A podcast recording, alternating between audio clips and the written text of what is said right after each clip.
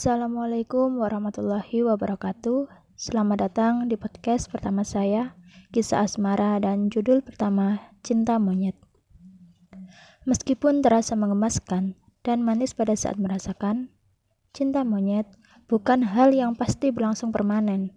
Akan ada perubahan perasaan seiring berjalannya waktu.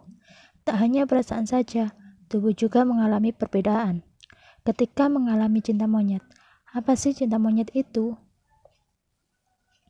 Cinta monyet adalah kata informal yang berarti perasaan cinta dan terjadi antara sepasang anak muda yang masih da dalam masa remaja.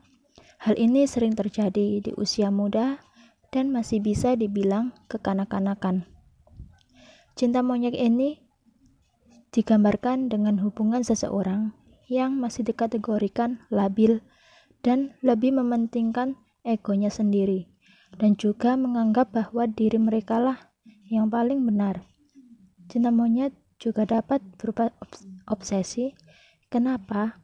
Karena obsesi, obsesi di sini yang didefinisikan adalah rasa kagum yang dicirikan oleh harapan yang tidak realistis. Akan gairah bahagia tanpa pertumbuhan dan perkembangan yang positif. Pada ma masa labil ini belum ada komitmen yang dibangun. Mereka juga belum mengenal arti dari cinta yang sesungguhnya.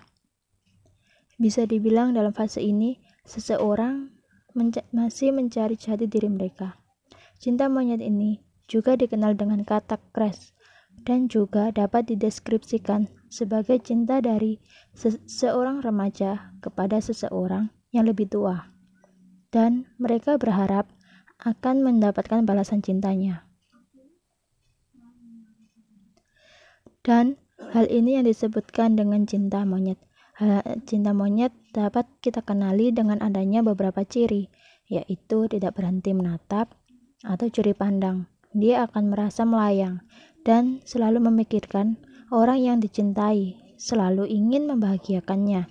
Saya ingin bertanya, Apakah Anda termasuk salah satu dari dari ciri yang saya sebutkan tadi?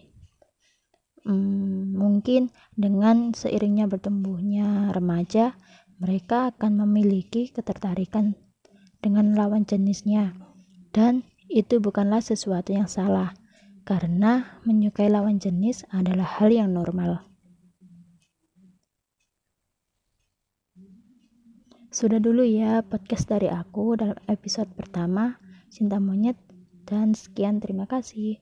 Wassalamualaikum warahmatullahi wabarakatuh.